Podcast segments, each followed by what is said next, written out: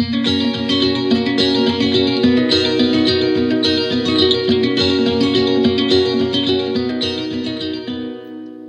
til Danske Bankers, podkasten for deg som vil vite hva som rører seg i markedet fra uke til uke.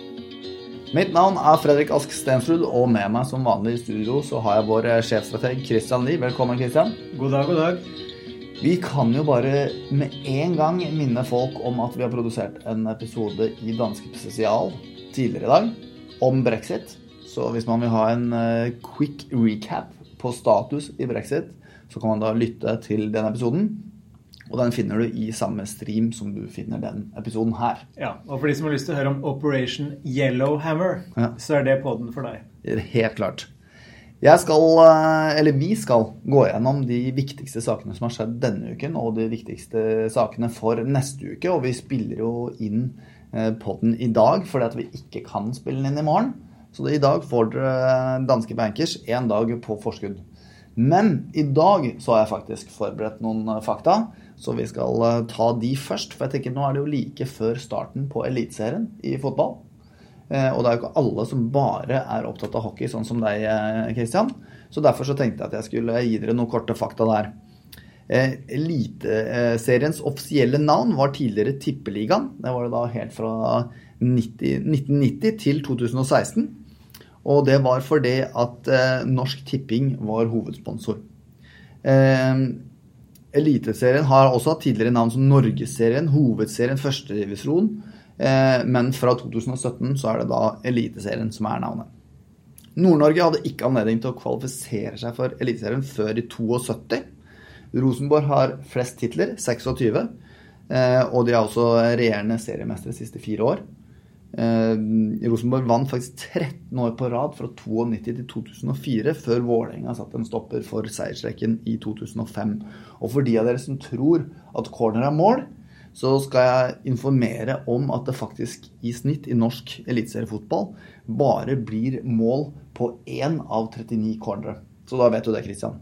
Fantastisk spennende idrett. Yes, Men da vil jeg gjerne vite hva som har skjedd denne uka her, Kristian. Ja, det har vært en, eh, en bra eh, børsuke, egentlig, med, med oppgang i hvert fall i begynnelsen av uka. Og det har vært eh, veldig mye spennende som har skjedd i forhold til eh, både pengepolitikk, eh, handelsforhandlinger og ikke minst eh, brexit. Hvis vi begynner med det som eh, kanskje var den største begivenheten denne uken her, det var rentemøtet hos den amerikanske sentralbanken.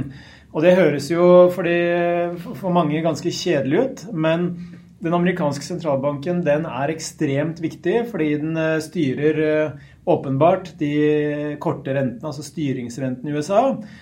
Men det påvirker også de langrentene, som igjen har ganske store globale ringvirkninger. Eh, Det påvirker de europeiske rentene, norske rentene osv. Men det som da har skjedd i løpet av de siste tre månedene, det er at eh, den amerikanske sentralbanken, heretter bare kalt Fed, ikke hvitløks-Fed, men Federal Reserve, Yes. Eh, På tre måneder så har de gått fra å signalisere ytterligere to rentehevinger i løpet av 2019 til i går å varsle null. Og det betyr jo samtidig at eh, de har blitt såkalt duete, som vi har snakket mye om. Eh, Mye mer forsiktige i forhold til hvordan de tror eh, pengepolitikken vil styres fremover. Og dette illustrerer jo egentlig en sånn bekymring som åpenbart ligger hos den amerikanske sentralbanken i forhold til at renten trolig allerede har kommet til et nivå hvor den har begynt å gi noen negative implikasjoner for, for økonomien. Så de tør rett og slett ikke å heve styringsrenten mer i frykt for at det skal utløse eh, enda svakere utvikling i, i økonomien. Ja, Det står litt i kontrast til den norske sentralbanken, da, som du må si har gått fra due til hauk, kanskje. Ja, eh, Norges Bank hevet jo styringsrenten i dag til eh, 1 eh, Og på bakgrunn av eh, en norsk økonomi som egentlig har utviklet seg bedre enn det sentralbanken eh, først eh, antok. Så det er jo slik at Norges Bank sånn sett er i en litt annen posisjon enn både sentralbanken i eurosonen og sentralbanken i, i, i USA.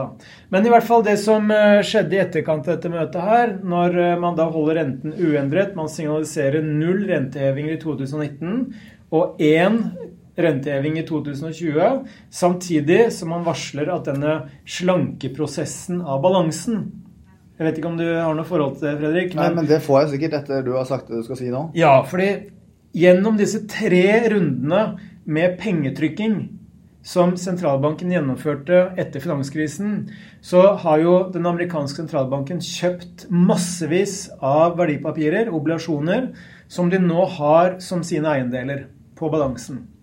Og Det som har vært en del av denne normaliseringsprosessen da, som amerikansk sentralbanken har ønsket å gå videre med, så har det innebært at de har eh, rett og slett prøvd å få denne balansestørrelsen ned. Eh, og Det betyr alt annet likt at de har tilført litt mindre likviditet til økonomien enn det de har gjort tidligere. Men nok om det tekniske pratet. Poenget er at denne slankeprosessen også skal avsluttes. Og det er jo da alt annet likt også et duetesignal om at de vil opprettholde en stimulans til økonomien istedenfor å ta den bort. Så dette førte til at de amerikanske rentene, markedsrentene, de falt ganske mye. Eh, den amerikanske tiårige statsrenten, som antas å være verdens viktigste rente, har falt tilbake til omtrent det samme nivået som i januar 2018. To, drøye 2,5 Eh, og vi så også en ganske markant svekkelse i den amerikanske dollaren. Og dette er jo noe Trump syns er helt glimrende. Fordi han har jo anklaget Fed for å ødelegge den fantastiske oppturen i økonomien som han har skapt. Ja.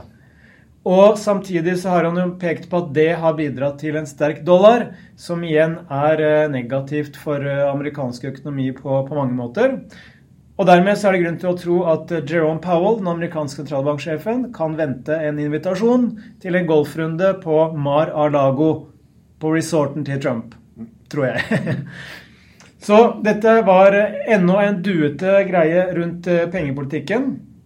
Vi tror ikke at denne kombinasjonen av en veldig forsiktig amerikansk sentralbank, som igjen varsler svakere økonomisk vekst i amerikansk økonomi, fortsatt et ganske lavt rentenivå ikke er noe drømmekombinasjon for aksjemarkedet, i hvert fall ikke på kort sikt. Det andre, eh, som også, Vi har jo snakket litt om Trump, men Trump har også kommet med det vi kan kalle et skremmeskudd i forhold til handelsforhandlingene. Fordi når markedet har steget såpass mye som det har gjort så langt i år Det har jo vært den beste starten på et nytt år for globale aksjer siden 1987. Eh, så har det skjedd samtidig som makrobildet har vært ganske dårlig. Inntjeningsforventningene har blitt barbert. Og da må denne oppgangen i aksjemarkedet tilskrives både forventninger om en handelsavtale mellom USA og Kina som tar bort disse tariffene, og ikke minst den greia med duete sentralbanker som holder renten lav. Det er også bra for aksjemarkedet. Men det Trump sier nå, det er at det er ikke sikkert at jeg kommer til å fjerne disse tariffene med en gang. Fordi det jeg vil se, det er at kineserne faktisk lever opp til det de forplikter seg til i en avtale som vi er i gang med å utarbeide, hvor prosessen går bra. Så han sier samtidig at diskusjonen og dialogen med kineserne går bra, progresjonen er der, men det er ikke sikkert han vil fjerne tariffene. Han vil se at de klarer å bevise, beviselig leve opp til forpliktelsene sine. Det her høres jo egentlig litt ut som EU i brexit-forhandlingene. De vil ha en avtale på plass før de innvilger noen utsettelse. Kan relateres. Mm. Så Det betyr jo da at hvis eh, Trump gjør dette her, med mindre det bare er en sånn tom, tom trussel for å få uh, leverage, som også er et velkjent Hamar-begrep Ja, For ikke snakke om trussel. Kjenner ikke til det. Uh, I forhandlingene så er det klart at dette vil kunne føre til at tariffene blir hengende ved oss lenger. Og det betyr at usikkerheten som da påvirker stemningen i næringslivet, økonomien, også kan vedvare lenger. Og det kan bety at også dette vendepunktet i stemningen i det globale næringslivet, som alle venter at en handelsavtale skal utløse, også kan bli utsatt. Ja, Nei, Det er som vanlig uh, lystig, uh, lystig, lek med tall når vi uh, snakker med deg, Kristian. Det er jo da ingen, ingen videre slanking i statene, ikke noe videre slanking i Kina. Og så er det Grete Rode spesial her hjemme på Oljeberget. Men det får vi bare leve med. Hva er det som skjer neste uke? Ja. Eh, nå har vi jo snakket om brexit i den andre poden, mm. så jeg skal ikke dra altfor mye om det. Eh, men det er klart, EU, e som du er inne på, spiller hardball med Teresa May. Sier at dersom dere vil ha en utsettelse, så forutsetter det at britene blir enige om en avtale. Og de har de jo prøvd på nå tre ganger uten å lykkes. Så da blir det ekstremt spennende å se hva som skjer i forhold til brexit. Kanskje vi får noen svar allerede i dag hvor EU skal ta en beslutning i forhold til om de vil akseptere en utsettelse av brexit eller ikke. Hvis vi ser på den kommende uken, så har jeg tatt med eh, det som skjer i dag, som en veldig avgjørende greie i forhold til EU eh, sitt møte om brexit-utsettelse. Det skjer klokka halv fire i dag, torsdag.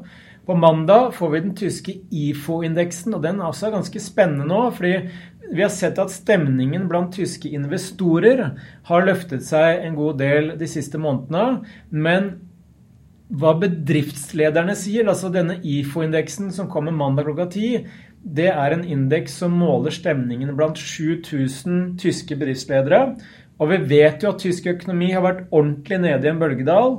Og skulle vi se en rekyl også der, så vil det kunne borge for at vi da får forsterket disse grønne skuddene som vi har fått eh, fra deler av europeisk økonomi. Tirsdag klokka tre så får vi amerikansk forbrukertillitstall. Og der også vil det være spennende å se, fordi nivået er fortsatt veldig, veldig høyt. Eh, men vi har sett at det private, eller detaljhandelsveksten, da, som utgjør rundt en tredjedel av det private forbruket, som igjen utgjør 70% av amerikansk økonomi Eh, hvis vi ser at forbrukertilliten begynner å, å, å, synke mer enn det den allerede har vist tegn til, så kan det være et lite varsko i forhold til det som er den viktigste bærebjelken i amerikansk økonomi, nemlig det private forbruket. Men det ville være rart også, fordi arbeidsmarkedet er veldig bra. Lønnsveksten er på vei opp, høyeste nivå siden 2009. Inflasjonen er helt OK, moderat, som igjen borger for bra kjøpekraftsutvikling for de amerikanske husholdningene. Veldig bra, Christian. Jeg skal oppsummere de viktigste sakene for eh, neste uke, og også ta markedsbevegelse de siste fem dager. Men før det må vi selvfølgelig tilbake til Aksjeolympiaden 2019, som da er eh, Christian og min eh, lille gjettekonkurranse på markedet fra uke til uke. Forrige gang vi eh, gjorde noen plasseringer der, Christian, det var i uke 11. Da gikk jeg short olje, og du gikk short SNP 500. Den posisjonen gjelder da selvfølgelig bare én uke fram til uke 12. Eh, den tok og skada meg med negative 2 og deg negative nesten 3 eh, Og det betyr at status etter 12 uker er ned 0,8% på meg og opp 4,5% på deg. Og da er spørsmålet, Christian hva vil du gjøre neste uke? Uh, jeg, jeg, tror at uh, vi går inn i en periode hvor investorene begynner å bli litt mer oppmerksomme på uh, bekymringer rundt veksten. Og holder på en short-posisjon, men velger nå å ta Oslo Børs. Oh, du, jeg kan ikke la deg drive og velge først, men da Jeg tør ikke å gå long, jeg heller, faktisk. Så da plukker jeg opp en short-posisjon i den tyske DAX-indeksen. Takk skal du ha, Christian. Da skal jeg oppsummere litt her. Nok en feststemning fra danske bankers. ja, vi klarer oss greit, da, selv om vi stort sett har shorta hele 2019. ok. Nei, men eh, de eh, markedsbevegelser, i hvert fall siste fem dager, er eh, OECBX opp 1,4% SMP 500 opp 0,5% Eurostox 600 opp 1,3% og oljeprisen opp 2 Eh, de viktigste sakene for neste uke er egentlig eh, det møtet som eh, er i EU om brexit-utsettelse i dag. Ellers så får vi tysk IFO-indeks mandag neste uke klokken ti. Og så får vi forbrukertillit fra USA på tirsdag klokken tre. Det var alt vi hadde i denne ukens episode av Danske Bankers. Vi høres.